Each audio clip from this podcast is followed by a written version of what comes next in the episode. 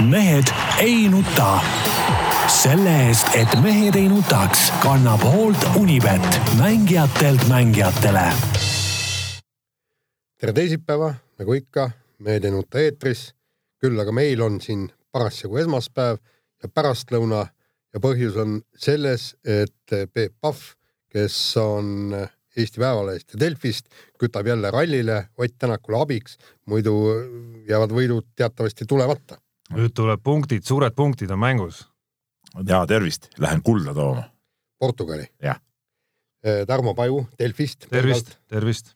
Jaan Martinson Delfist, Eesti Päevalehest ja igalt poolt mujalt. Tarmo on siin öö läbi möllanud miskiste valimistega. me küll Peebuga üritasime siin väita ja kinnitada, et need valimised ei huvita kedagi. Tarvo üritas väita vastupidist, aga ma ei üritanud tegelikult äh, selles mõttes väita vastupidist, et loomulikult äh, on need kõige ebahuvitavamad valimised kõikidest äh, suurtest valimistest, aga mõned sajad tuhanded inimesed valimas ikkagi käisid.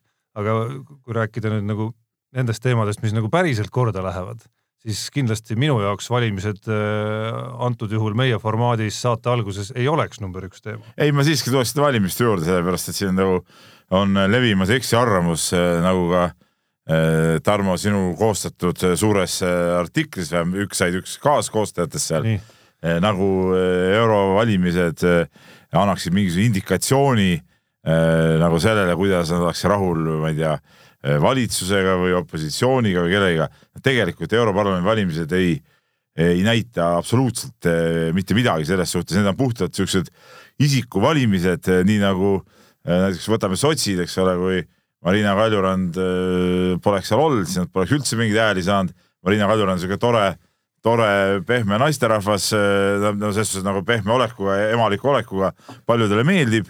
Ja, ja tema poolt hääletati, oli kõik, et, et see ongi, et see ei ole nagu see ei ole nagu see, et nüüd ma hääletan sotside poolt, ei ole niimoodi, noh, tead, hääletasid Kaljuranna poolt, nii nagu, nii nagu mõned hääletasid seal Ansipi poolt, olenemata parteist, sest et ta on kogu aeg seal Euroopas olnud ja, ja, ja nii ongi, et, et siin nagu mingeid parteilisi jooni välja lugeda ei ole nagu küll mitte mingisugust mõtet. täna tööle sõites muide, kuulates peavoolumeedia raadiosaateid, siis seal eksperdid üritasid väita ka ja noh, ühesõnaga väitsid, et, et tegelikult seekord valiti suuresti spetsialiste.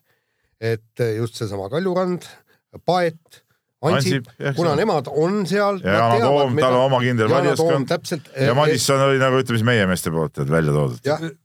aga mina andsin hääle talle. ütleme ei, kui, kui selle, selle algküsimuse juurde tulla, siis muidugi ma ei leia ka, et see peaks nüüd tähendama mingisugust, noh, ma ei tea, nagu Prantsusmaal hakkas Le Pen möllama, et nüüd tuleb kõik ära vahetada ja nii edasi, nii edasi, president maha, et noh, no, EKRE valijad, EKRE valijad ei tulnud suures osas ilmselt väljagi, eks ole noh, Keskerakonna puhul ma arvan, seda mingit protestivaimu võib-olla natukene oli ja kindlasti ma ei ole veendumusel, et Marina Kaljurannale antud hääled, mida, mis olid sotside häältest vist kaheksakümmend viis protsenti ja mitte vist, vaid olidki ümardatult kaheksakümmend neli koma seitse vist, kui täpne, täpne olla, et see nüüd tähendab, et sotside populaarsus ongi nii kõrge. aga, aga, aga, tegelikult teema, mida ma ise oleks tahtnud puudutada siin saate algul, kui me siin Äh, poliitminuteid oma saatest kuidagi välja ei saa, on ikkagi see, et äh, uskumatu asi on ikka see, see nagu riigi valitsemine.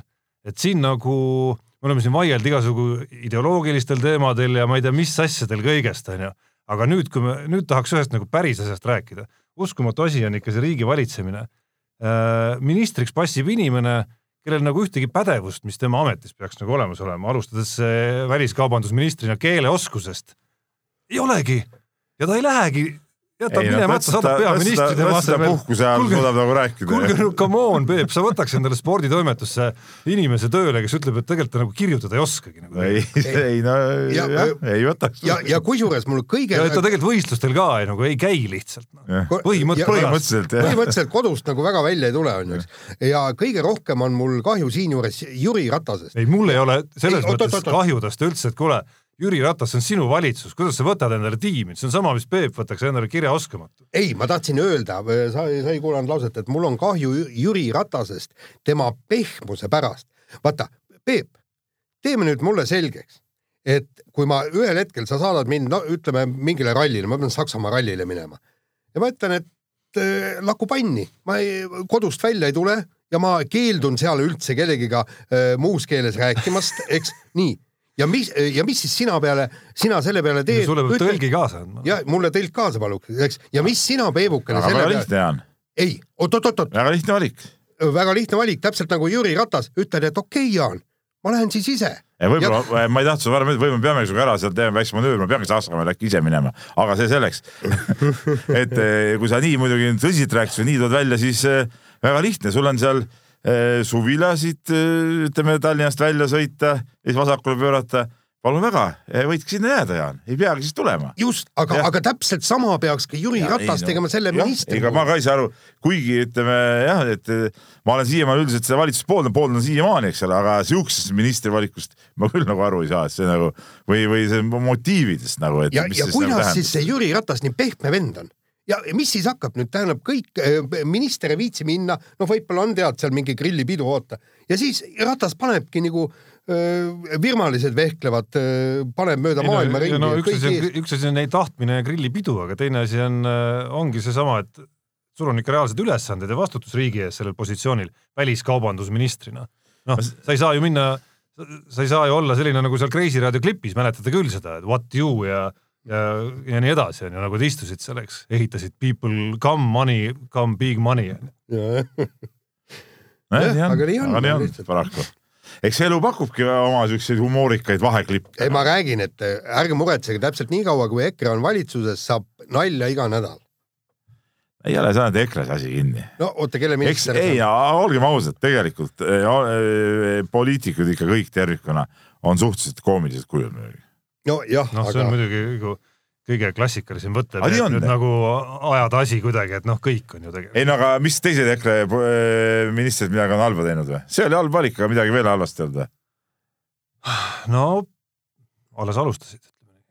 noh, ei ma küsin no, kas on midagi veel halvasti olnud? see konkreetne minister ja, on nende minister. see on nende minister. aga ma ütlen, aga ma ütlen samamoodi. midagi muud halba pole olnud. ma ütlen samamoodi, et, eh, et noh, lõppkokkuvõttes on peaminister Jüri Ratas siis see on tema valitsus. no las, ta ütles, et ta on pehme vend, noh. aga võib-olla Jüri tahtiski ise minna sinna G kakskümmend kohtumisele. ja Jaapanisse on ju sushit sööma. sealt saab ju ikkagi, see on ikkagi kauge välismaa. ma olen ka ühe korra käinud. päevarahad tulevad sealt ilusasti ja.... seal on ikka teistsugune see värk, seal on need naistevagunid on seal äh, metroos. ma juhuslikult sattusin sinna seal ei olnud veel mehi, aga ma ei saanud üldse aru, alguses see mingi teist värvi oli, keset metrood oli mingi roosa vagun, see oli aastal kaks tuhat seitse Osakas kergejõustikku Gerd Kanter tuli maailmameistriks tookord.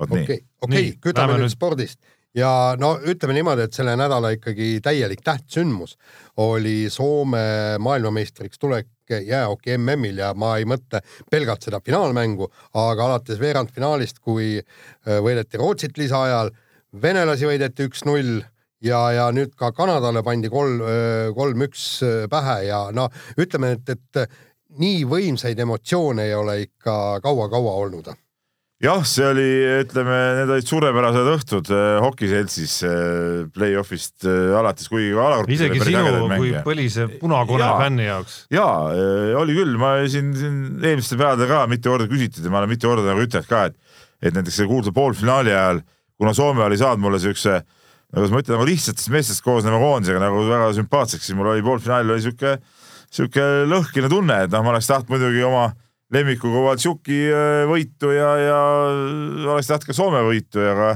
aga kui juba Soome lõpuks selle üks-null ära viskas, siis ma pidasin küll pöialt, et äh, venelased jumala eest vastu ei, ei viskaks, et, et see oli nagu vägev ja noh, tegelikult juba see Rootsiga mängu see lõpp oli ju, ju, ju uhke tead ja noh, eilsest finaalist rääkimata, et noh, see oli jah, puhas, see oli nagu ehe näide, see MM oli ehe näide, kuidas nüüd ütleme, Venemaa ja Kanada, kes olid ikka komplekteerinud väga kõvad koos no,.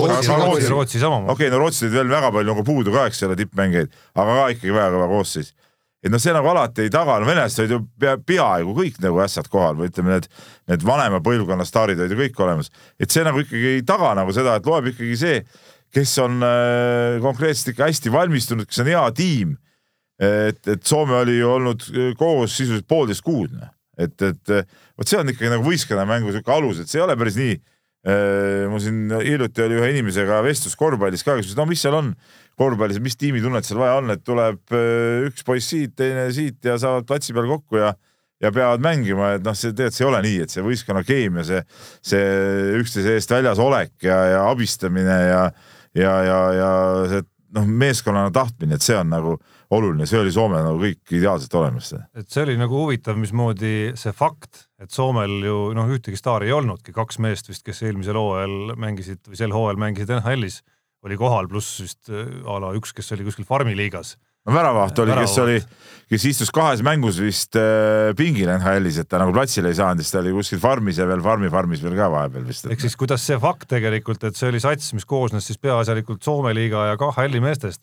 no KHL-i meil ka päris vähe seal tegelikult. ja et kuidas see fakt hakkas lõpuks nagu soomlaste kasuks hoopis nagu mängima, ehk siis äh, selline täpselt selline seltskond, keda andis äh, mängima panna sellisel moel, nagu võib-olla niisugust staaride satsi on nagu raske mängima panna. selline sats lugesin just Soome meediast eile õhtul ka ühte artiklit, äh, et äh, selline sõnakõlks on ju paljudes pallimängudes, nii jalgpallis, korvpallis, jäähokis samuti, et nii-öelda olla esimene lahtiste pallide ja lahtiste litrite peal, see on nagu mingi mantra, mis käib kogu aeg nagu läbi. aga siis on mingid satsid, kes ongi kogu aeg seal esimesena ja vot Sommid täpselt nii olidki. ja see algab muidugi peatreenerist jälle, et me rääkisime siin mõned nädalad tagasi meistrite liiga jalgpallist ja Jürgen Kloppist ja, ja treeneritest, et et see Jukka Jalonen äh, Soome meediat vaadates, noh, sellele tehakse vist juba eluaja lausamas ära. no üks asi on see, teine asi on see, et, et äh, mis me rääkisime pikemast ettevalmistusest, et just siin oligi, äh, ma lugesin ka Vene meedias, kirjutati just toodi see võrdlus Venemaa ja Soome vahel, et et kui Jukka Jalonen sättis, vaata need Eurotuuri turniirid on, eks neli turniiri on läbi hooaja käivad, seal koondised on koos, need tippsatsid mängivad omavahel kogu aeg et Jalan äh,, Jukka Jalan äh, läbi nende turniiride sättis nagu oma seda koondise mängu, proovis neid mehi, proovis neid koosseise, seda mänguskeemi. venelased mängisid ka, no seal mängivad ainult ju need kohalikud Euroopa mängijad, proovisid ka, eks ole, käisid seal mehed, mängisid. aga siis venelased viskasid selle kõik prügikasti ja tõid äh, terve hunniku NHL-i mängijaid ja hakkasid vahetult enne MM-i siis nullist meeskonda uuesti tegema aga soomlased olid juba, neil oli kõik paigas juba, noh, polnudki tarvis, neil ei olnudki tarvis neid NHL-i mehi tegelikult sinna, noh. nii ja oligi, noh. ja kusjuures äh, rääkisin meie parima hokimehega Robert Roobaga ja ta ütles muidugi perfektne taktika, iga meeskonna jaoks oli väga täpne taktika äh, paika pandud ja mis teine asi oli see, et, et oli ikka väga kõva analüüs tehtud äh,. soomlased ise äh, küsiti, et kuulge, Rootsi vastu, teil tulid kaugvisked kõik ühest, ühest samast sisuliselt kohast praktiliselt kõik need neli väravat, kõik, kõik praktiliselt kaugvisetest ja kõik, et küsiti, et kuulge, kas see on juhus? ja siis muiati selle peale, ütles, et noh, teinekord sealt viskad, äkki, äkki on sealtpoolt õnne rohkem, oli nii, aga nad olid ilmselt välja raalinud, kuskohast on kõige, kõige raskem ja põletasidki sealt järjest ja järjest peale ja lõpuks äh, läksidki need litrid väravasse, aga ärge ühte asja ära unustage, Soome poleks ilmselt tulnud maailmameistriks, kui neil ei oleks olnud kangelast, kes tõusis kangelaseks, Marko Antila. No, noh, ikka selline eriti ebatõenäoline tõusja. ebatõenäoline tõusja, mind mulle ikka meeldis, ma tegin tänasesse lehte väikest äh, nuppu seal sellest Venemaa kaotusest ja seal tõin ka ära seal tema Marko Antila rolli, et et lugesin siis, et NHL-i drafti kahesaja kuuekümnes valikus, kui ma õieti mäletan, üheksandas ringis, samas draftis siis, kus Ovechkin ja Malkin olid üks ja kaks, kunagi NHL-i muidugi ei jõudnud KHL-is mingis äh, mudaklubis kõrbes, saadeti sealt kuskil esiliigasse ja sealt Rootsi lõpuks ja siis jõudis, nüüd on Jogerite ja Kolmoga jälle KHL-is mänginud, aga mitte midagi erilist, ei mingeid erilisi punkte, mitte midagi. jah, kui aga... vaadata veel resümeed, siis kiirelt siin, et äh, kui vend on kolmekümne nelja aastane, siis siis nagu püsivamalt eelmisest aastast alles sai nagu koondisse, varem oli terve karjääri jooksul ühe korra vist. ja ühe korra, siis peale seda ta võeti sinna Venemaale ja siis toimus tal uus langus nagu tead, noh. et, et, et nii on et, et see oligi vägev ja siis järsku äh, veerandfinaalis viigivärav, poolfinaalis võiduvärav, finaalis kaks väravat. ja viigivärav ja võiduvärav. ja täpselt, et, et selles suhtes nagu, nagu uskumatu, aga seal oli veel ägedaid mehi, seal oli mul nimi ei tule praegu meelde number seitsekümmend üks oli kolmekümne viie aastane üks mees, kes üldse äh, mängis esimest ka MM-id, et sihukeses vanuses Soome koondis tuli maailmameistriks, noh. et, et seal ikka ägedaid vendi on ja see, see, see Soome liiga tugevus, no seda on kogu aeg räägitud, Soome liiga on ju ütleme nendest riikide liigadest kõige kõvem, et no siin nagu mingit, äh, mingit kahtlustki ei saa olla, et see nii, et see nii ei ole, noh, et, et äh, see näitab ikka taset tegelikult. ja, ja Ro Rooba ütleski, et, et tõesti, need mehed on NHL-i tasemel iseasi, muidugi ta äh, ütles ka, kuidas nad ookeani taga läbi lööks, see on nüüd oma, omaette küsimus, et sul võib mängutase olla, aga sa lihtsalt ei, ei suuda võõras keskkonnas võib-olla võõra mängupildiga nii hästi läbi lüüa. teine asi, kui palju nad mängida saaks, aga praktiliselt kõik need Soome liiga tipud võiksid mängida NHL-is praegu, tulevikus ja, ja tegelikult selle kõrval, kui vaadata, kus kohas meie Robert Rooba mängib, ütleme niimoodi, et no, väga kõva väga kõva. meil on väga vähe võistkonnamängijaid või pallimängijaid, kes sellisel tasemel mängivad, kusjuures Rooba oli oma meeskonna üks parimaid, resultatiivselt üks parimaid mängijaid veel no. ja, ja see ei ole, ega see ei ole ka mingi naljavõistkond seal, eks ole. aga mis me veel Soome hokist rääkida? No ütleme, seal ei ole ju uute meeste tulekul pole otsa ega äärt, kõigepealt võtame selle Kaapo Kakko, eks ole, kaheksateistaastane Äh, mees nüüd äh, tuli ja, ja, ja sai maailma, tegi vägevaid väravaid. seal oli ju veel, Jogi, Jogi-Harju saab kakskümmend. aga Soome on ka praegu ju see aasta tuli ju kakskümmend, oli U kakskümmend, U üheksateist, mis on Soomes? või mis on Soomes? Nüüd hoopis U kakskümmend, maailmameistrid.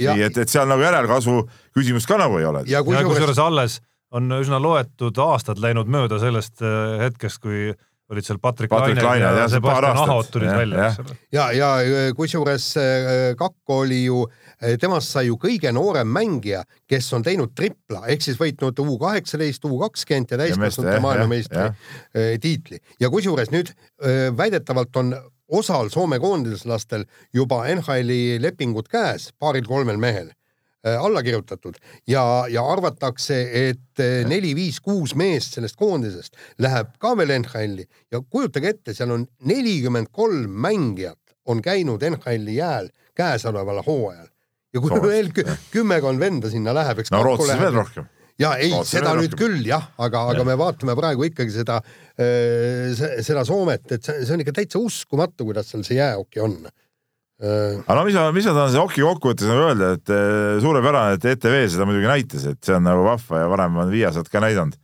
et see kõik on tore, aga ikkagi täna tööle tulin, siis Jaan tuli kabu selja taha vaatama, panime ikka korraks väravad Merdaranda kommentaaridega käima, et noh, vot sellest natuke ikka tunneb puudust, et midagi teha ei ole, see on ikka äge, aga no, õnneks, õnneks Youtube tuli nagu appi selles suhtes. selle saatel on ikkagi jah, üles ja. kasvatud, kusjuures üks mõte taustal veel, mis selle Hoki MM-i ajal tekkis, huvitav, et me ei ole oma saate ajaloos, mis on juba üle kümne aasta kordagi sellele tähelepanu juhtinud, on äh, see, et äh, teatud paradoksina kusjuures, et äh, me oleme siin aastate jooksul ju vaielnud ja, ja, ja ka kritiseerinud neid alasid, kes oma tiitlivõistluste perioode tahavad nagu tihendada, eks ole. aga hoki kuidagi vaikimisi juba aegade algusest käibki nagu igal aastal mm on ju. ja, ja, ja veel sellisel kujul, kus noh, vaatad seda Soomet ja noh, mängib sisuliselt teise koosseisuga, eks. ja sellest hoolimata see kuidagi nagu elab ja töötab. me oleme harjunud seda võtma ühe kevade ühe tippsündmusena. ei no kusjuures mitte ainult meie, et see ei ole ainult meie meelelahutus, vaid sa vaatad neid samu riike, kes mängivad ja neid ei tüüta see ka üldse. ja vaatad ka, ütleme kasvõi seda klikkide arvugi, eilse finaalmängu blogi klikid pluss need järeluudised, uudised kõik, jumala noh, rahvast huvitab, midagi pole teha. aga kuule, aga siit mul tuli idee pähe, et, et võib-olla meie Rahvusringhäälingule niisugune idee, et proovige osta Merdaranda kommentaariga mängud, tähendab Merdaranda kommentaar ka sinna peale, et andke Eesti rahval valida, keda nad tahavad kuulata, kas meie kommentaatorit või Merdarandat. Äh, pane rubilnikut, Jaan, läks jälle ulmesse äh, meil on siis Peep sinu rõõmuks äh, laseme, vajutame lillat nuppu. okei okay. nii, kütame nüüd kiire vahemänguga edasi. Roosa on ka veel ootel. ja, ja. Roosa ei lähe. nii äh, nagu selgub ja minu jaoks täieliku üllatusena ma hakkasin vaatama selle äh, Kaster Semenya juhtumit. ma ütlen, ma ütlen enne, kui kuulajad ka hakkas, Tarmo, pane tähele, millise perversse mõnuga ta sellest räägib kuidas ta seal tegi seda artiklit, ütleme meie kõikide, ütleme hukkamõistvate pilkude saatel ja kuidas ta ise nagu nagu tundis fantastilist mõnu kõigest sellest, millest ta kirjutas ja ütles, kuidas ta mõistab, kuidas ta on hingesugulane nende atleetidega ja, ja noh, noh, see on no siis õudne lihtsalt. see on nagu ülim, ülim tõestus, et sõnavabadus ikkagi ja. vähemalt meie kontsernis on olemas. kuigi, kuigi ma täna ütlesin, et äh, see äh, loosung sõna on vaba kehtib ainult kuni sporditoimetuse nurga alguseni, sealt edasi sellist äh, asja, nende särkid ja ma ei tea, kõik tõmbame puruks äh, sisse, sealt ei saa. sõna võib vaba olla, aga, aga me siukeste totluse, mingi sõnavabaduse juttudega sinna meie nurka ei tulda ma. teen nüüd ühe üleskutse siin, ma tean, et äh, asjaosaline kuulab seda saadet, meie hea noor reporter Märt Roosna, kes on selline tubli intrigeerija ikkagi erinevate ideedega, pakub siin kihlvedusid ja kõike. Utsitan sind äh, ikkagi seda Sõna on vaba sviitrit endale ostma. ei, sellest, sellest see jutt tuligi, et ma mõtlesin, et ostavad sellega sel nädalal mingi päev, ei sel nädalal pole No mõtet, Peepu pole. aga tervitama Peepu siis oma toimetuses järgmisel nädalal. Nii aga nüüd ma räägin siis põhimõtteliselt siis et, et ühesõnaga äh, hakkasin uurima selle Kaster Semenya asja, kes on teatavasti noh, niisugune mehe-naise vahepealne ja, ja talle esitatakse siin igasuguseid tingimusi, et ta oma testosterooni taseme alla lööks ja siis noh, teatavasti on nii-öelda soovahetusoperatsioone teinud mehed, kes võistlevad aeg-ajalt naiste hulgas. Ja, ja siis hakkasin asja uurima ja selgus, minu jaoks täiesti üllatus, oli see, et rahvusvahelise olümpiakomitee reeglite järgi ei pea tegema so soovahetusoperatsiooni, kui sa tahad võistelda naiste arvestuses. sa pead deklareerima, et sa oled hingelt naine, südamest naine, sa pead dokumentidesse igale poole saama nii-öelda N-tähe Eest, Eestimaal. aga kas ma saan N-tähe, kui ma lähen ütlen, ma ei, no naine? ma ei tea, ma ei oska seda tõesti, vot si sinna ma ei tea. nii, ja siis sa pead äh, alandama oma testosterooni taseme äh, alla kümne ühiku, kuigi nagu uuringutes se- selgub, kahekümne viiel protsendil meestel on, on juba alla äh, kümne ühiku, nii et see ei pea üldse mingit tabletti võtma. Peebul kindlasti ei ja, ole. ja, ja, ja mis ja, ja, ja mis äh, kõige, kõige kummastavam mis kõige kummastavam on see, et nelja aasta jooksul sa ei tohi oma sugu ta tagasi vahetada. ühesõnaga, till pikalt ees, lähed sinna naiste hulka võistlema, sul on dokumendid kõik korras, lähed võidad selle olümpiakulla ära, saad kõik need äh, igasugused preemiad, värgid äh,, olümpiavõitja, pensioni ja kõik, kõik saad ja nelja aasta pärast ütled, et vabandage, et, et see oli väike viga, ma olen tegelikult mees. ei kusjuures kuskil ei ole kirjas, et sa ei või samal ajal tegutseda nagu meesterahvana. ei, ei absoluutselt. ütleme oma öisetes valdutustes näiteks. ja, ja samas oli ko- kogu küsimus, et kui sa ei ole teinud soovahetusoperatsioone, et millises riietusruumis sa siis äh, peaksid ikka olema? naiste.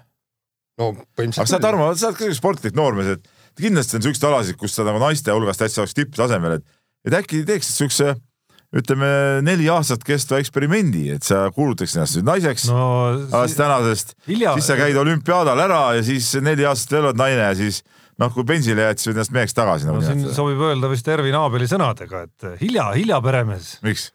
ma ei tea, mul on tunne, et ei ole sellist ala enam. enam ei ole või?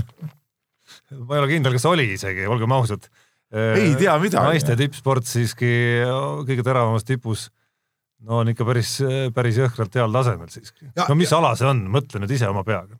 Ei no jaa, kus, kus see on? võib-olla noorest, noorest põlvest. võib-olla oleks võinud küll seal naiste kuuli tõugata näiteks kakskümmend meetrit. ei no ütleme kergejõustikualadest äh, kõige, ütleme punktitabeli järgi kõige tugevam oli makettheites, aga no mitte mingil juhul ei oleks ma Ketas naiste, aga- ei oleks ma maailma tippnaistega suutnud võistelda. nelja kilost kuuli kakskümmend meetrit oleks võinud küll tõugata.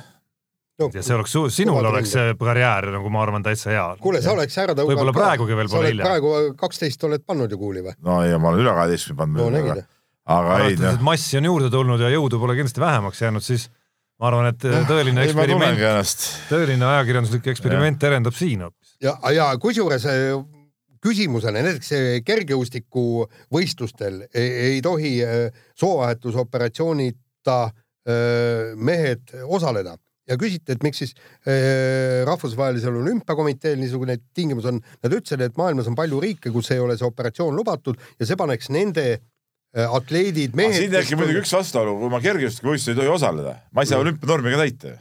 no ma arvan, kuule, tänapäeval on vaata seal äh, olümpiamängudele lastakse ju igasuguse, igasuguseid. teine asi, kus nad teavad, et ma varem mees olin? üldiselt on see, mul on, mul on kuri kahtlus siiski seda juttu nüüd üritades äh, kuidagi lõpetada kokkuvõttes. et äh, ja- eriti arvestades, et Jaan tegi seda lugu, et kindlasti seal on mingid augud kuskil sees. kusjuures keegi ei kontrolli muidugi, mida sinna kokku ei, ei muide, muide, mis oli väga huvitav, oli see, et, et artiklist artiklist, tähendab, paljud artiklid olidki just sellest, et meil on tegelikult neid atleete, näiteks praegu öö, on äh, ilmselt esimene mehena see Brasiilia võrkpallur on. Brasiilia võrkpallur. ma saan aru, kas temal on operatsioon tegemata? tema, ei, temal on operatsioon tehtud küll ah,. temal on tehtud, ei, tema, temal on tehtud, aga igal pool, igas nendes artiklites mainiti, et tänapäeval olümpial osalemiseks ei saa pea, ei pea operatsiooni tegema küll aga, aga jah, ja temast võib, võib saada nagu esimene nii-öelda äh, sportlane ja, ja kusjuures läks neli aastat, enne kui Rahvusvaheline Võrkpalliliit ja Brasiilia Võrkpalliliit andsid talle õiguse naiste seas mängida, ta mängib naiste superliigat, on äh, viis oma naiskonna äh, põhiturniiri võidule ja, ja purustas siis punktirekordi. ma ei tea, Jaan, kuskil on siin kuskil on mingi konks, aga vahetame. see jääb praegu Jaani südametunnistusele. vahetame, vahetame teemat ja kindlasti on teatud konks nüüd järgmises loos, ehk siis Karel Tammjärv, meie tänavuses suure dopinguskandaali üks peakangelasi, pidas siis noortele sportlastele dopinguvastase motivatsiooniloengu. motivatsiooni siis selles mõttes jutumärkides, et, et ta siiski nii-öelda rääkis oma õppetundidest ega mitte, mitte ei üritanud motiveerida kedagi dopingut tarvitama. ma ei pea seda õigeks, see minu arust see oli ränk viga, et Karel Tammer sai seda loengut seal pidada. mitte sellepärast, et Karel Tammer peaks olema mingisugune paare nüüd, ei seda mitte, aga liiga vähe aega on möödas sellest kogu case'ist. Pole veel selget karistusigi välja ja juba, juba siin peetakse mingeid loenguid ja asju. et kõigepealt eh, tuleks täpselt välja selgitada, mis, mis mehe paturegister üldse on, mis karistused las ta ise mõtleb nagu selle peale, võib-olla kümne aasta pärast on paras nendest asjadest rääkida, siis on mees võib-olla ära settinud selle kõik, aga mitte nii, et siin on kaks-kolm kuud möödas, juba nagu õige mees kunagi käime loengut pidamas ja nii edasi, ma ei, minu arust see on absoluutselt väär, täi-, absoluutselt väär on see. ja aga ja, siin, siin on veel teatud küsimused on see, et, et tegelikult meie, meie, me ei ole selles dopingujuhtumis. see veel, asi ei ole meil ju klaar. meil ei ole klaar, tähendab, et me, et nendele noortele võib hambasse puuda mida tahes eks ju. me ei tea, kas see verevahetus oli ainukene, mida Kaarel Tammjärv tegi.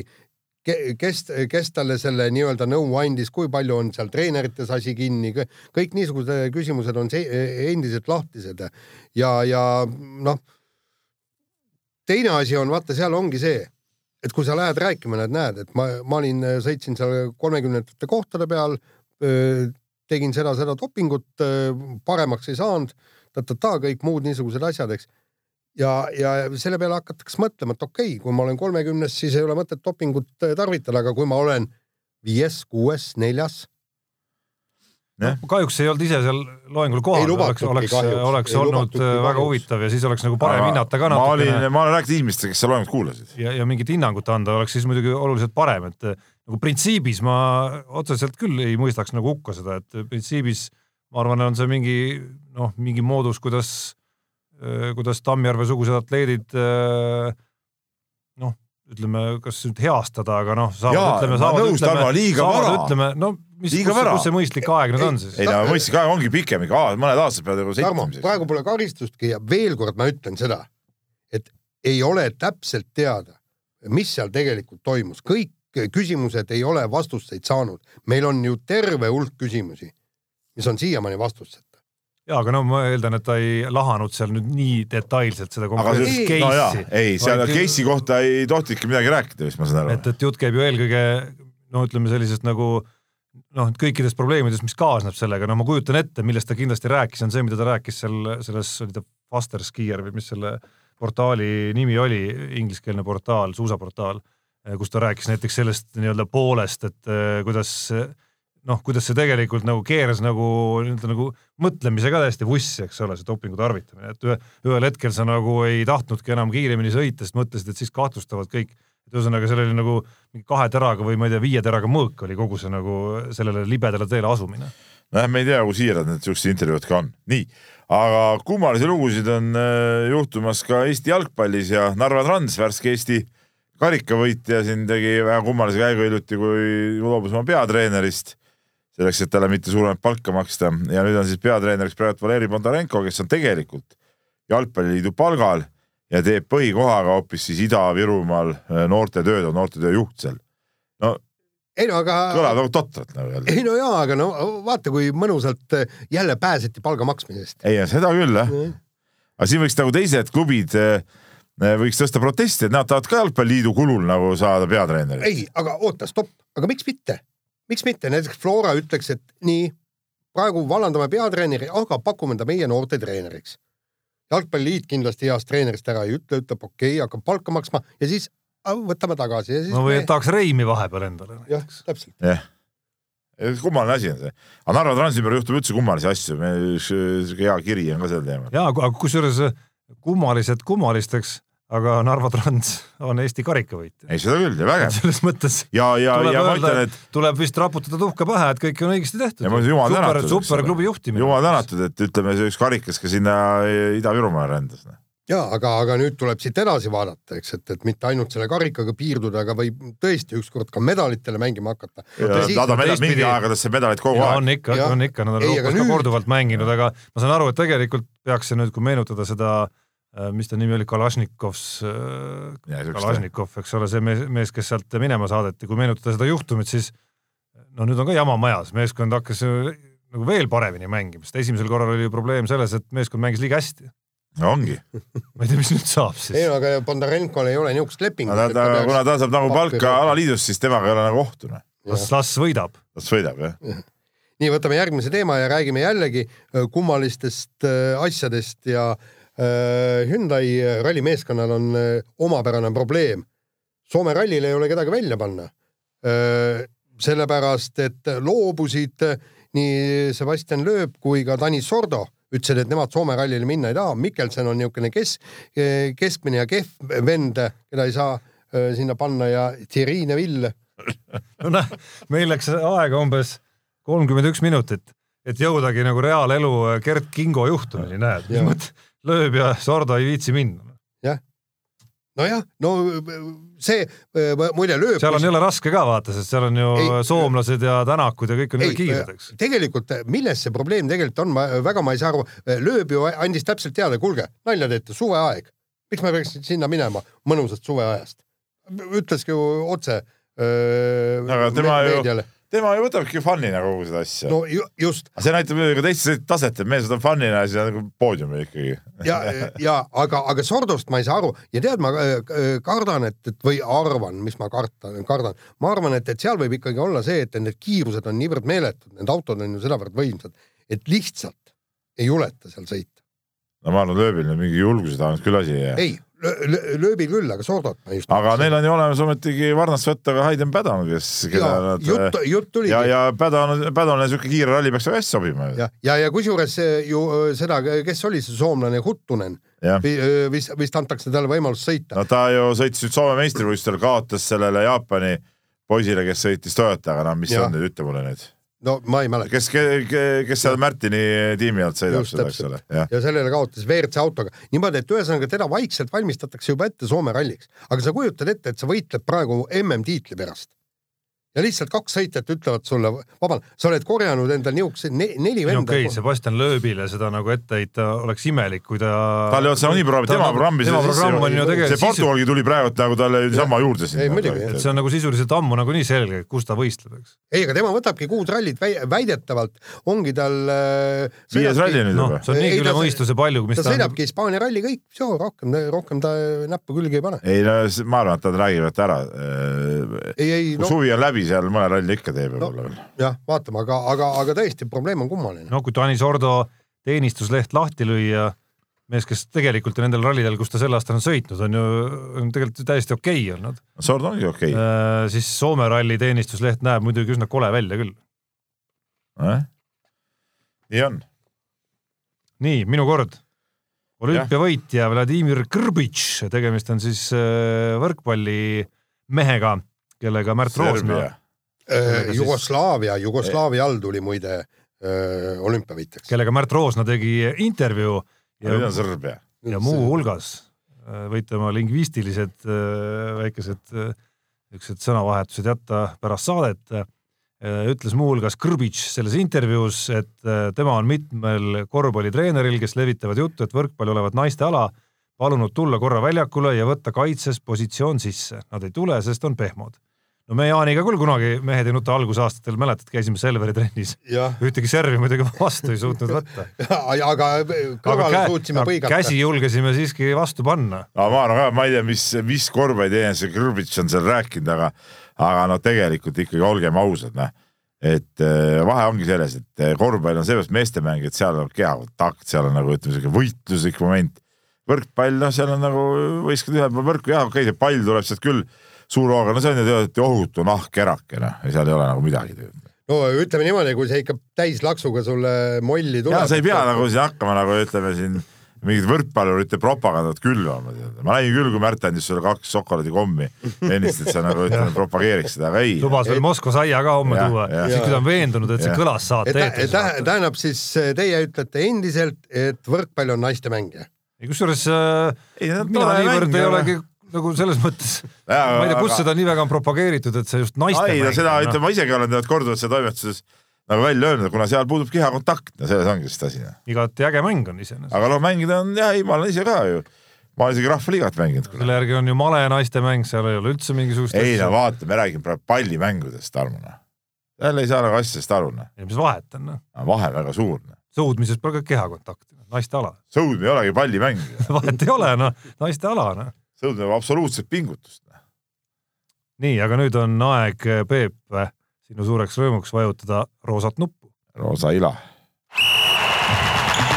Unibetis saab tasuta vaadata aastas enam kui viiekümne tuhande mängu otseülekannet. seda isegi mobiilis ja tahvelarvutis. Unibet, mängijatelt mängijatele. Nonii, et kirjad jah Lähme siis kirjade manu ja, ja tuleme korraks Narva Transi juurde tagasi ja Kalle küsibki meie käest, et pärast seda, kui Narva Trans tuli Eesti karikavõitluseks, et kas on juba kuulda peatreeneri vallandamisest või üllatab klubi juhtkond mõne uue sanktsiooniga näiteks mängijate pihta. vot seda nüüd pole kuulda olnud veel. seal võib küll mõni preemia olla. seal võib küll mõni preemia olla jah, karikavõitjal ikkagi tiitel ju. et äh, tõepoolest on oodata siis seda, et Narva Trans mõned mängijad vallandab või viib üle farmklubisse kuskile. et ei peaks neile maksma. Nii, aga öö, äh, kirjutab meile. nagu rahaseis pidanuks ju paremaks minema nüüd sellega. ei, sellega ei kaasne rahalist võitu. ei, ei no Euroopasse minek. Euroopasse minek küll jah. ja, aga mitte sellel vist järgmisel aastal. Äh, kirjutab meile Lauri ja vaatab ta siis Oki MM-i kogu aeg ja paneb tähele seda, et äh litreid, no ütleme litrid, mis värava suunas saadetakse, et, et kas nad on siis visked või pealevisked, et, hokis peaks olema vise Äh, see, kui tehakse randmega liter okikepi lava peale ja löök võiks olla siis, kui on korralik hoovõtt ja virutatakse litrit siis kepiga. me oleme asja, valesti asjast aru saanud, et kommentaatorid äh, rääkisid kogu aeg ikkagi sellest, kuidas äh, väravaid visati ja siis see äh, oli nagu väga häiriv nagu, kuulata. No põhimõtteliselt, põhimõtteliselt tal on äh, täiesti õiges, eks. Ühed aga, on löögid, teised on visked aga.... teisalt ma ütlen, ei maksa lasta käirida. just täpselt. Äh, sest et ma ei mäleta ka venekeelset legendaarne Ozerov öelnud kunagi, et udar Pavarotab, see oli nagu jalgpallis, eks ole. hokis oli Brassok, jah. jah, vise, jah. huvitav stanga. Oli. Oli. Pärast oli eetrikeel, aga näe, sõna on vaba. Ja mina saan jätkata eetris. Ka pärast seda, ma arvan, et tänapäeval muidugi keegi aru ei saanud, mis ma ütlesin vahepeal, aga, aga noh, nii on. nii, aga siin meile jäi eelmine kord jäi menetlemata. süvariik ei saanud aru lihtsalt. süvariik praegu ei jõudnud reageerida, ütleme nii Äh, Kingpool kirjutab Homme meile. kuulad saadet ei ole seda kohta ega meil see Kingpooli Eurovisiooni kiri eelmine kord vist ei läinud veel eetrisse äh,? ei mäleta küll. kus ta siis äh, sellest ka kogu sellest äh, orientatsioonist Aa, nagu- oli, oli, oli, okei mul, mul jäi millegipärast jäänud seda märgistamata, selge, siis seda kirja äh, me ei pea võtma nii, äh, no siin tuleb, Kalle on meile kirjutanud ka veel, veel mitu kirja, Kalle on alati väga produktiivne, eks ole.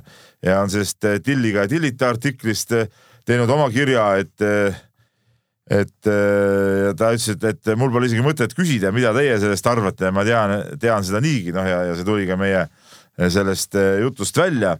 aga Kallel oli siin ka sihuke küsimus, et Soome võitu jäähoki maailmameistrivõistlustel annaks võrrelda, kui Kalev Cramo oleks tulnud VTB ühisliiga võitjaks. Eh, mehed jõuluvanamaalt olid, tulid ja panid maailma liidi lihtsalt kotti. Soome näitas, kuidas võimalik puhtalt tuhhi pealt meeskonnaga võita. et võimas või mis, eks ole. no eh, ma arvan, et, et eh, tegelikult isegi need ei ole päris võrreldavad asjad, sest et klubi korvpallis ühe siukse sarja võitmine ei võrdu mitte kunagi maailmameistritiitliga, selles suhtes mina alati hoiaksin asjad nagu rahul, maailmameistritiitel on ikkagi olümpiavõidust nagu järgmisena ikka midagi nagu ülimat ja teine, teine asi no, on pluss, ei no pluss ikkagi needsamad taustad ka, mis sa sealjuures, no mis me siin saate algul rääkisime, et need on mingid objektiivsed faktorid, mis, mis lubasid kõik see ettevalmistuse teema ja need asjad, eks ole, need on need faktorid, mis teevad selle ütleme tõenäolisemaks sellise asja juhtumise kui näiteks klubispordis kus, kus, kus kõik on nagu selles mõttes ühe joone peal ikkagi, välja arvatud see, et äh, kuskil on CSKA kolmekümne miljonilise eelarvega ja siis on Kalev Cramo ühe koma viiega. ja, ja täpselt see, et, et, et see oleks võrdne siis, kui me oleksime saanud tõesti äh, kõik nii-öelda äh, need klubid oleks mänginud oma kasvandikega eks, et, et siis tõesti mingil hetkel näete, et Kalev ju tuligi Nõukogude Liidu meistriks, eks ja, ja no, mängis. oma kasvandit. jah, just. Te olete ka muud mehed juurde. no nii. ütleme niimoodi mitte väga palju. ma nagu praegu meie hea kolleeg ja, ja oma nii-öelda mentor, õpetaja Gunnar Press juttu praegu kuuleks, siis ta teed juuksed tõuseb peast püsti. ma sain täna ta käest muuseas sugeda. täna meil oli telefonikõne oli ja sain sugeda muuseas ja tegelikult on, on Gunnaril muidugi õigus. et sain sugeda sellepärast, et meil ei ole lehes eh, lühiuudiste formaati. no meil on päises seal paar uudist, aga, aga meil ei ole nagu siukest klassikalist lühiuudise formaati, kus me saaks nagu nii-öelda spordihuvilisele tuua ära need spordiuudised. et, et äh, Gunnar palus meil see nagu see formaat nagu tagasi tuua. no ei tea, peaks onu, onu Gunnarile ikkagi äkki veebimaailma tutvustama. ei, ma arvan, et onu Gunnar veebimaailma tunneb küll, aga põhimõtteliselt ma olen temaga nõus, sest et leht on ikkagi jumal ja lehes peavad olema ka uudised, see on nagu, see on nagu selge. nii, ja veel aga Tarmo asi muigasid ja nüüd palun väga, onu Tarmo nipinurk kirjutab meile Raul Sepper ja küsib nii, oskate mulle seletada, mille kuradi pärast on selle saate pildiga vaatamine nii keeruliseks või pigem ütleks võimatuks muutunud, vaid mõnel korral on õnnestunud selle saate häält ja pilti kokku viia, kuid reeglina on loobunud, sest ei tea ega leia mingeid nurgataguseid teid, kuidas pildini jõuda. Ja kuulangi nüüd nagu raadiot. ja, ja äh, nii seleta nüüd Tarmost, et mina ütlen ka, et kõige õigem on ikka see pilt, eks ole rahvameeste tervitus niimoodi otse kaamerasse ja palun seleta nüüd, milles asi on ja kust eh, ütleme, mina tahaks ka vaadata pärast eh, pildina seda saadet, kus ma seda siis saan. sa ei tea, kus sa saad vaadata? mina praegu. sinu enda, mina olen praegu Raul Sepper ja mina, rubriigis. mina olen praegu Raul Sepper, ma küsin, miks see on viidud kuskile nurga taha? see ei ole viidud nurga taha, vaid seda on võimalik leida nii Delfi spordist, eh, Mehed ei nuta alajaotusest näiteks või Delfi spordi Facebookis või Mehed ei nuta Facebookis on see vaatamine üleval, kui on otsesaade olnud ma üritasin, ma üritasin äh, pisut nagu aru saada, mis, et mis see raskus seal antud juhul oli, aga, aga ma ei leidnud seda. ehk siis hea Raul, ma tean, et sa oled meie püsikuulaja, kuna sa kirjutad meile päris tihti. Äh, võid, Raul, võid täpsustada, kirjutada mulle vähemalt, et, et kus see raskus, raskuskese asub, ütleme siis niimoodi. aga mina tean ka, et tegelikult tõepoolest Delfi spordi rubriigis ja ka päris suure Delfi esikal tegelikult on see saade äh, nagu täitsa olemas. aga ega ma vaatan nüüd siin kõrvale, ega siin nüüd väga palju vaadata ei ole muidugi. kus ei ole? tähendab, no see on sama aja, mis siis eile, Oki lõppes ära, eks ole, või pühapäeva õhtu, eks ole, Oki lõppes ära äh,. panin ka ETV valimisstuudio peale, mis seal siis parem oli, samamoodi inimesed istusid ja rääkisid. aga oligi väga igav. no ei, miks igav, aga kuskil oli parem või? No valimisstuudio on alati. mis sa neid rääkivaid päid nii väga ikka vaatad? ei, aga miks, no see ongi. kuulad? ei, mis sa kuulad, noh. inimeste näoilmed, eh, žestid, kõik see on nagu oluline. eriti veel eh, mõned šarmantsed mehed, eks ju. jah. teate, kuskil oli kiri ka, see mul jäigi meelest välja võtta. see oligi Rauli, Rauli kirja jätk oli see et ta tegi, ta tegi meile terve suure ettepaneku, mismoodi meid siin nagu ümber paigutada, nii et ikkagi ja, teie näoilmed paremini välja no, tuleksid ja, ja mina ütlen nii, et, et mind ju diskrimineeritakse, vaat seepärast, et ma, ma ei ole peavoolumeedia ja mina pean sellepärast pean olema seljaga, noh. noh, ja nii ongi ja, ja, ja progressiivne euronoor, kes on tegelikult selle äh, tähendab, ütleme, temal ei ole kollase EVP-sid olnud, aga ma ei tea, kuidas ta on endale erastanud selle stuudio siin see on kahtlane, see vajaks uurivat uurimist. tema, see eronoor siin määrab neid asju minul ei ole midagi muud teha, ma pean olema seljaga siin. kuule, kusjuures see ei ole tegelikult isegi nii, et mina määraks, vaid see ongi see, Peep, see süvariik. jah, täpselt. et mina, mina ei ole siin mingi määraja, lihtsalt käepikendus. vaata, Tarmo, ära praegu, sa kõnnid praegu libedal jääl. meil oli teel siia oli üks jutuajamine, ma ei hakka seda eetrisse tooma, aga sa kõnnid libedal jääl, Tarmo. küsimused on õhus. ikka, ikka. küsimused on õhus aga küsimused on õhus ka meie Unibeti, meie saate toetaja rubriigis, kus eelmisel nädalal äh, oli siis äh, Mehed ei nuta eripanus, võimendatud koefitsient Narva Transi karikavõitjaks tuleb. Äh, Eesti karikavõitjaks tuleks siis jalgpallis ja ohohoo, seda nii-öelda pakkumist tehes ei, ei oleks osanud tegelikult arvata, et see, see nii juhtubki. ma ise küll ei pannud seda panust, kahjuks. oleks pidanud kuidagi nagu ikkagi nagu julgem olema. julge hundi rinde ikka rasa, eks ole. no oli siis või? No ma ka ei pannud seda. mina panin muidugi. panid jah? no jaa, no ei, ei, ei. aga ma panin ainult paar eurot. tuhat või? lisaks, ja lisaks ta ilmselt taaskord pani umbes veel viis panust, mis. läks kõik mööda. ei, ütleme niimoodi, et Soome vedas mind sellega alt, et võitis. muidu ma oleks väga heas seisus olnud, aga praegu on mul niisugune saja alla ma ikka tõusin kõvasti, üheksakümne kaheksa peale oleks Soome, Soome äh, kaotanud äh, nii poolfinaali, äh, nii poolfinaali kui, kui siis noh, finaali või siis finaali on ju, siis ma oleks rikas. aga mul oleks nagu õnneks see, et eh, mul oli hoki põhjal veerandfinaalide peale pandud, mõeldud nagu välja see kombo, et kes saavad edasi, et mulle tundus jumala kõik absoluutselt selge kui seebivesi, eks ole, mingit küsimust ei ole. Eh, see koef oli päris hea, aga lõpuks ma unustasin selle panemata, ma seal tegelesin ja mul jäi see kuidagi nagu lahti, jäigi panemata jumal tänatud, sellepärast et, et eh, üks mäng läks lisaajale ja üks võitja oli hoopis vale. noh. No vot aga mis puudutab uue nädala eripanust, siis äh, see on tulemaas hetkel, kui me saadet salvestame, ei ole see veel lihtsalt äh, nii-öelda koefitsient veel välja mõeldud. Äh, see puudutab Portugali rallit ja ega siin ei ole väga mingisugust suurt nuputamist, see võimendatud koefitsient saabki olema Ott Tänaku esikoha peale Portugali rallil, mis on selles mõttes huvitav panus, et teadupärast Ott Tänakul Portugalis, me küll räägime pärast pikemalt sellest, Portugalis ajaloos ei ole tegelikult hästi läinud nii et ootame, ootame koefitsiendid ära, oodake teiegi ja siis hakkame vaatama, kas panna või mitte nii, kütame edasi. sa kirjutasid mulle siia midagi oma segases käekirjas. väga hea käekiri on, Peep sai kindlasti aru, kuna Peepul on veel hullem. BC Kalev Cramo, kolm hüüemärke, aga mis see esimene allajoonitud osa on? see on neljas osa. neljas, aa, neljas osa, selge. kui raske saab olla lugeda? ei, see on IV. noh, IV, neljas no,. ei ole, see on IV neljas uba, mina oleks neljas mingis... uba, see minu paber. aga, aga noh. aga, aga kütame siis kõigepealt kergejõustikuga. see oli kuidagi printerist, äh, printerist välja jäänud. nii äh,, äh meie viskajad-heitjad äh, tegid ikkagi, kes väga vinge kes äh, väga korraliku hooaja avastardi ja kui me räägime ka, alguses siis Magnus Kirdist, siis kaheksakümmend üheksa, kolmkümmend kolm Soomes äh, visatud kehvas ilmas, äh, vihma vist piserdas ja, ja parasjagu külm oli, et no ütleme niimoodi, et, et ma hakkasin nüüd küsima aga ma ei tea, kellelt küsida, sest ma, Magnus Kirt ise nendele küsimustele ei vasta. eelmine aasta jäi esimese võistluse kaheksakümmend kolm meetrit tema hooaja kehvemaks kas nüüd sel aastal on siis kaheksakümmend üheksa, kolmkümmend kolm on hooaja kehvem või? Kindel see, kindel see. taas äh, langenud mingisse fantaasiamaailma. ei no aga eelmine aasta, kui sa. jaa, ei, kõik on õige ja ei hästi, hästi rahu. proovi köhida natuke ja võta lonks vett.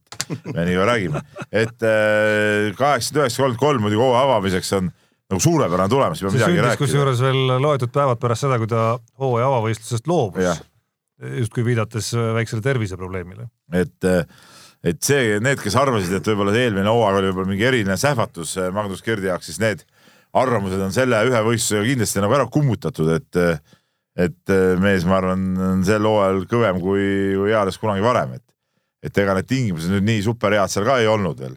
külm oli suhteliselt ja, ja, ja, ja väga head midagi ei olnud, et kaheksakümmend üheksa kui ära panna, noh, ma arvan, et meil on põhjust see aasta kergejõustik MM-i oodata. ma ei hakka siin ma ei hakka siin ütlema, et seal on muidugi need saksa poisid ja neid vendi on veel, kes odaviska tase maailmas ongi väga kõva praegu, tead noh. Et, et eh, kindlasti hooaja peal need mehed, kes üle üheksakümne panevad, on ka äh, rohkem kui kolm, eks ole, aga, aga selge see, et sihukese viskega juba ainuüksi selle ühe viskega on ta läbi hooaja suures mängus sees. ja, aga noh, ütleme Jaani hullust kuidagi nagu edasi aretades või, või, või püüdes sind kaine, kainestada natukene, siis ega no ütleme, ma arvan, et on tõenäolisem see et see jääbki ta hooaja parimaks tulemuseks, kui see, et sellest saab tema hooaja kõige kehvem tulemus. no ma ei näe küll mitte mingit põhjust sellele, tähendab esimene võistlus, külm ilm, pluss kümme kraadi ainult seal väljas, kui sul on soo-, soe mõnus tingimus, tuul õigest suunast, noh et ühesõnaga sa tõsimeeli usud, et see võibki nii minna, et see, see on ei, tema hooaja kõige kehvem tulemus? seda ma, seda ma muidugi ei arva, aga ma arvan, et, et see ei jää tema parimaks tulemuseks. no see muidugi ei ole ka tõenäoline iseenesest, et tõenäolisem on, et et ta viskab selle üle, aga noh, see tulemus on ikkagi juba nii kaugel, et see lihtne ei ole kindlasti. no kunagi ei või teada, aga tihtipeale ühes võistluses tundub, et esimene laks läheb küll hästi, aga no mis ta võiks järgmise kaugemale visata, aga rohkem ei lähegi, ei tulegi. ta ütles ise ka tabavalt, et ega seda ta, tal nüüd nagu järgmisi võistlusi lihtsamaks otseselt ei tee.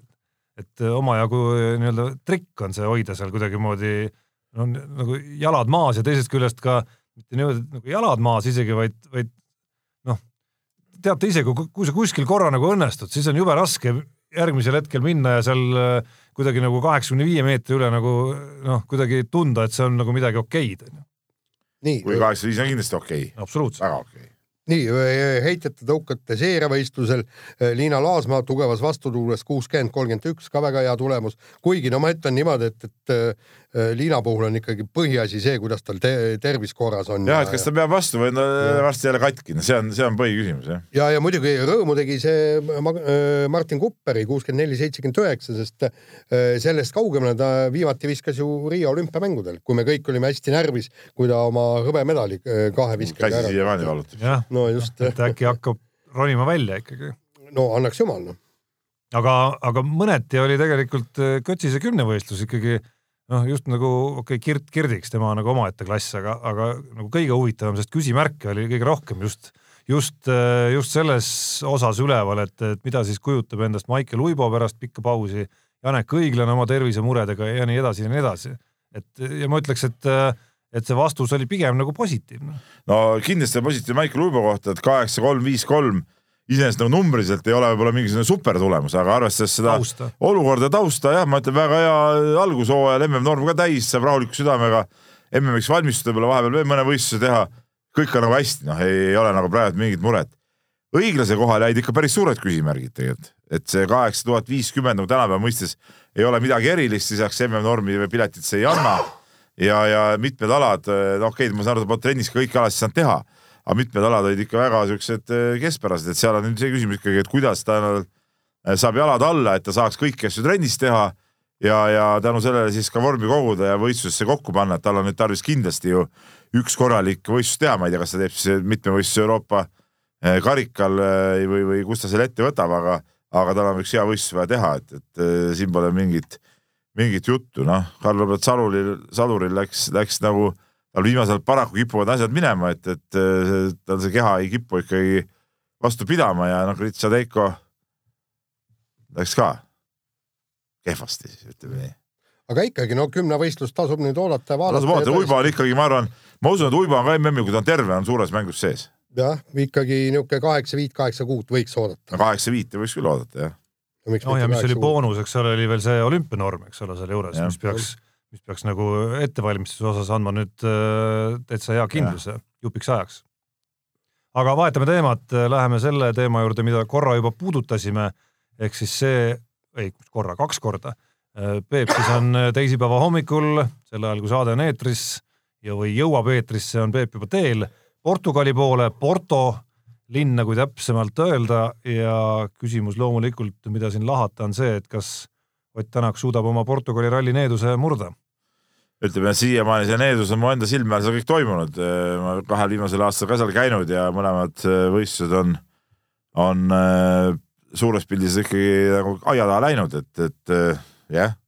nüüd on küll see küsimus, kas kolm on kohtuseadus või, või, või ikkagi saab sellest üle? no selle eest, mis seal eelmisel aastal toimus, kuluks nagu ära nüüd nagu mingisugune teistpidi karma, et mul on siiamaani silme ees see kivi, mis seal ootas lihtsalt Ott Tänakut Kuule. ja mis pärast seda, kui ta sinna otsa sõitis, siis toimetati minema sealt. ja, aga enne seda oli muidugi äh, Terrine Vill sellele samale kivile otsa sõitnud ja tema autoga paraku ei juhtunud midagi. päris otse nagu ei pannud sinna. ei no ta ikka sõitis sellest ikka korralikult üle, aga kogu küsimus ongi jällegi, vot me me võiksime rääkida, kui oleks tõesti ralli kiire ja ta ei oleks võib-olla nii noh, nagu oli see Tšiili ralli, eks, et kui ta ei ole nii raske autodele, aga praegu on tõesti kogu küsimus, kellelgi ei ole kahtlust, et äh, Ott Tänak on suures mängus, ma ei räägi võit, võitmisest. Poodiumile oleks, on ta kindlasti võimeline äh, sõitma, eks. Äh, aga nüüd ongi kogu küsimus ja jällegi ja vot see on jube paha tunne. Äh, Peep, sa tead isegi, eks, et kui sa vaatad kas Splitte või siis vaatad seda WRC TV-d ja kõike niimoodi, siis süda põksub, et kas auto peab vastu või mitte. et see on see kõige hullem seda vaadata, seda rallit nõnda ja ei, nii ongi, et, et, et Portugali ralli on traditsiooniliselt nagu raske ralli autode jaoks ka ju tegelikult, et, seal on neid kive ja ja teeolud ja seal lisaks so, so, lubab väga sooja ilme muuseas. vaatasin nädalavahetuseks ka, et, et sihuke kakskümmend seitse, kaheksa, üheksa kraadi, et, et seal midagi lihtsat kindlasti ei ole ja, ja, ja pigem see on nagu selline ralli, kus kuna ta ei ole nagu nii kiire siis ta ei ole ka siuke, kus ütleme, see Tänakuse ülekaal nagu nii mäekõrgune on, et seal on nagu need muud nüansid hakkavad palju rohkem mängima. just, aga me mäletame eelmise aasta Türgit on ju, kus olid äh, täpselt sama ja, raske. veel hullemad, veel hullemad, veel hullemad ja veel raskemad. ja seal tuli esikoht, eks ju. nii ta on jah. nii, aga veel kiiresti siia ploki lõppu. väike tervitus. väike tervitus äh, äh, sõber Gert Kullamäele, kes siis äh, töötu aeg sai läbi, ütleme siiamaani pidi Delfi talle siis äh, näljapajukest pakkuma siin Äh, podcast'i näol, kus ta käis Ivar Jurtšekoga tegemas. nüüd on aeg SKP-d äh, tõstma. korvpallisaadet ja, aga noh, nüüd äh, saame ta palgalt uuesti maha võtta, saab ise mees nagu ütleme ikkagi nagu päris töö eest teenitud raha eest ka kauplusesse minna ja võib-olla sealt head ja paremat osta, ehk siis TalTechi mul ma ei, mul keel ei väändu seda nime ütlemast, TTÜ või, või tipivõistkonna siis peatreeneriks. jah, Polütehniline Instituut. ja, et väga tore minu arust et sihuke võimalus tekkis. Rait Käbin, senine peatreener, on üldse ka klubi juht seal ja, ja ütles ta, et eh, koormus liiga suur kahte asja teha korraga, et pigem tahab siis olla klubijuht ja, ja kui mees ise sellise otsuse vastu võttis ja, ja ta nägi Gerti selle koha peal ja Gert loomulikult võimalust kinni haaras, siis eh, viis pluss noh. ja muidugi vaatab, mis ja. ta selle üliõpilasega teeb. iseenesest väga hea kindel koht, on kaks eh, peatreeneri kohta, ütleme Eestis kus ei ole nagu mitte midagi karta klubi seisukohast, et sul jääks midagi saamata, on siis Tartu Ülikooli ja TTÜ äh, peatreeneri kohad. kuna need on nagu ülikoolide palgal oled, siis noh, seal nagu seda ohtu, et ma ei tea, klubi läheb pankrotti ja, ja palkasid ei maksta, seda ohtu nagu ka ei ole. väga nagu, kindel värk. jah, no mulle see uudis meeldib nagu põhimõttelisena, omamata nagu vähimatki Rait Käbini vastu. nagu selles suhtes just, et, äh, et meil on mõned treenerid, endised mängumehed, kes kes ikkagi nagu noh, ma näen, et nad on nagu treenerid, neil on mingi treeneri ambitsioon ikkagi olemas, onju. ja, ja natuke kuidagi kentsakas ja, ja, ja kurb ja raiskamine tundub olevat vaadata, kui need mehed kuidagi töös ei ole. et, et nad, nad ei saa seda ambitsiooni kuidagi nagu ellu viia. no seda ma tahtsingi küsida, et mis on Aivar Kuusmaa U kakskümmend koondis kohe ja seda küll, aga see ei ole ju. Äh, see ei ole püsiv töö, aga U kakskümmend koondis ja, ja, ja ma ütlen ka, et pärast seda kindlasti ma loodan ka, et ta leiab ikkagi mingisuguse väljundi, kuigi ega siin Eestis ei ole midagi eriti võtta, noh, kus sa lähed, Valga, noh, pole võistkondagi.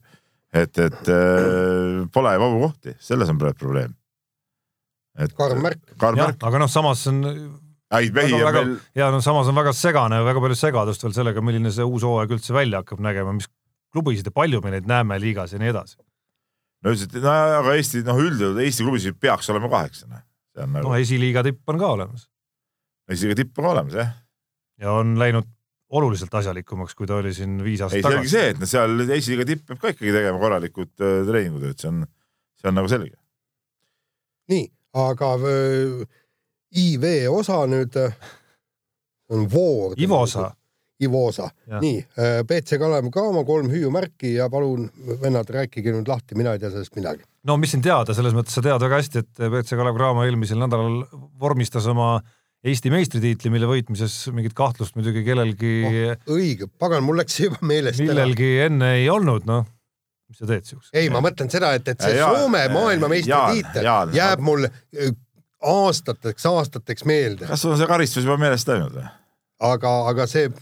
ma ju, ma ju sanktsioneerisin Jaani siin, ütleme halva töö pärast sellega, et ta pidi seda finaalseeria teist mängu kajastama ei, aga ja ta see..., ta nuttis ja alas mööda toimetust. juba on ära unustanud. juba on ära unustanud, jälle, et ei olnud piisavalt efektiivne. Aga... Jaan, leiame uusi võimalusi. jah Ja. ei, aga eh, siis, siis tervitame, vähemalt on eh, Kalevil nüüd ikkagi midagi ette näidata. midagi käis ka näppude vahele sellest hooajast, ütleme nii. no olgem ausad, näppude vahele jäi siiski ka VTB liigas äh, päris korralik hooaeg. aga selle eest medalit ei anta. selle eest medalit ei anta, aga. näpu vahele on ikka medal. aga ma ütleks, et jäi näppude vahele üht-teist küll, aga sellest hoolimata ma arvan, see põhiküsimus, mida siin äh, BC Kalev Cramo puhul arutada ei ole niivõrd see, et kuidas siis see hooaeg täpselt läks või mis toimus, vaid ikkagi, mis nüüd edasi võiks saada.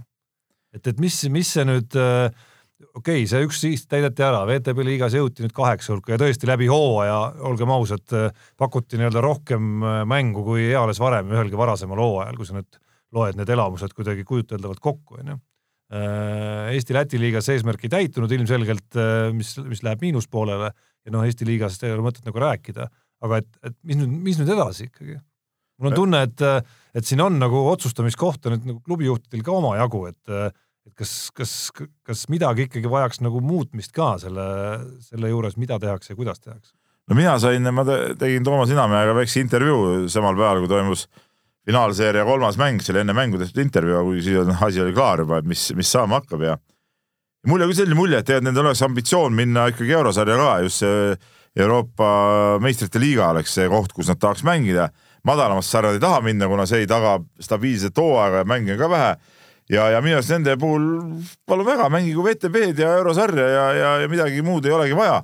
aga samas jälle, noh, ma käisin siin kuulsas korvpalli podcast'is ka, me arutasime sedasama küsimust seal ka, siis tekib see küsimus, et kui Kalev näiteks sellest Eesti-Läti liigast ära kaob no ega siis VEF ja Ventspils ka võivad sealt ära kaduda, et siis aga lõpuks, lõp, ei no lõpuks ta maandub jälle siukses, nagu oli see, nagu see lõpu Balti liiga, et nagu sihuke, siukse teise-kolmanda ešeloni turniiriks nagu, et, et, et kas see nagu on selle liiga jaoks selle hea?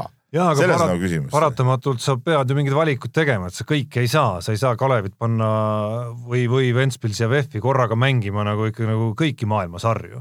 Kuigi noh, Ventspilsil nagu jääks hooaeg nagu lahjaks, neil on eurosarja on, eks ole, VEF võiks ka mängida eurosarja ja, ja VTB-d ja midagi. mina, mina pean tunnistama, mõeldes siin ka enne saadet natukene ja sealsamas Pihtas põhjas podcastis äh, oli see nüüd äh, üks või kaks saadet tagasi, mul on sassis, kui teist korda käis Kalev Kruus seal külas, siis, siis väga pikalt äh, arutati samamoodi samal teemal ja ega seal ongi need äh, väga segased küsimused kuni selleni välja, mida pakkus siin Aivo Erkma välja, et äkki noh, viikski selle Eesti-Läti liiga äh, et lõpetaks selle üldse ära, eks ole, ja teeks mingisuguse Eesti liiga, mis ongi siis nagu selline kaheteistkümne satsiga koos, jah, koos esiliiga tippude ja, ja noh, kus ilmselgelt Kalev Cramo-sugusel satsil noh, ei ole mingisugust ei ole mingit motivatsiooni mängida. ei ole ka teistel mingit pointi Kalev Cramo vastu mängida.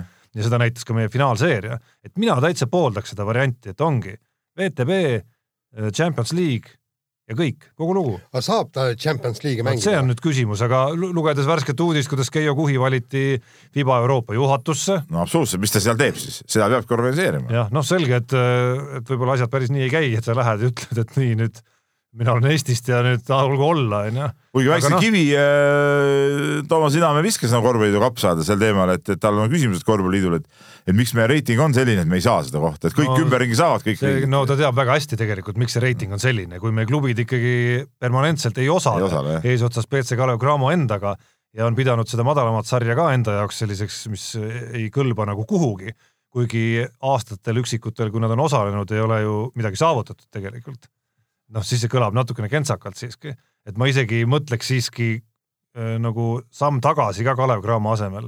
Et isegi selleks, kui näiteks on vaja, et järgmisel aastal olla seal Champions liigas, on vaja vahelduseks või alustuseks tulla sinna madalamasse sarja, siis ma küll ei näe põhjust, miks pirtsutada, see tase ei ole kindlasti Kalevi jaoks mingisugune, et oh, me oleme siit sellest tasemest üle, kindlasti mitte, ma küll ei ütleks, et Kalev on selle sarja esikoha soosik, absoluutselt mitte. seda küll jah. Nii on, aga. see, tooks nagu mingit muud värvi, mida me kogesime selle VTB liigaga, on see, et okei okay,, sa sead selle sihi, jõuad äh, play-off'i. lagi on ees, kõik. aga, aga siis? ja ei, täpselt, ei eurosari oleks igal juhul nagu kõige, kõige huvitavam nagu variant, aga, kindlasti ja. peab VTB ka säilima, kuna see hoiab meid nagu absoluutselt tippkorvpalliga nagu ühenduses, võtame siin CSKA-d, imkid, lokomotiivid, et mina arvan ka, et see Eesti liiga ei ole üldse oluline, võib ju pärast teha seal mõelda välja mingi formaadi, kus siis mängib, ma ei tea, see see tavaline tšempion mängib siis Kaleviga mingisuguse super no, ütleme, või mida iganes. selleks, et seal saab igast asju välja mõtelda. et selleks, et Ventspils, Riia VEF ja Kalev Cramo saaks teha mingisugust ühte sellist ja. nagu kahe riigi meistermeeskondade turniiri, selleks ei pea nad põhiturniiri kindlasti mängima. absoluutselt, nii on.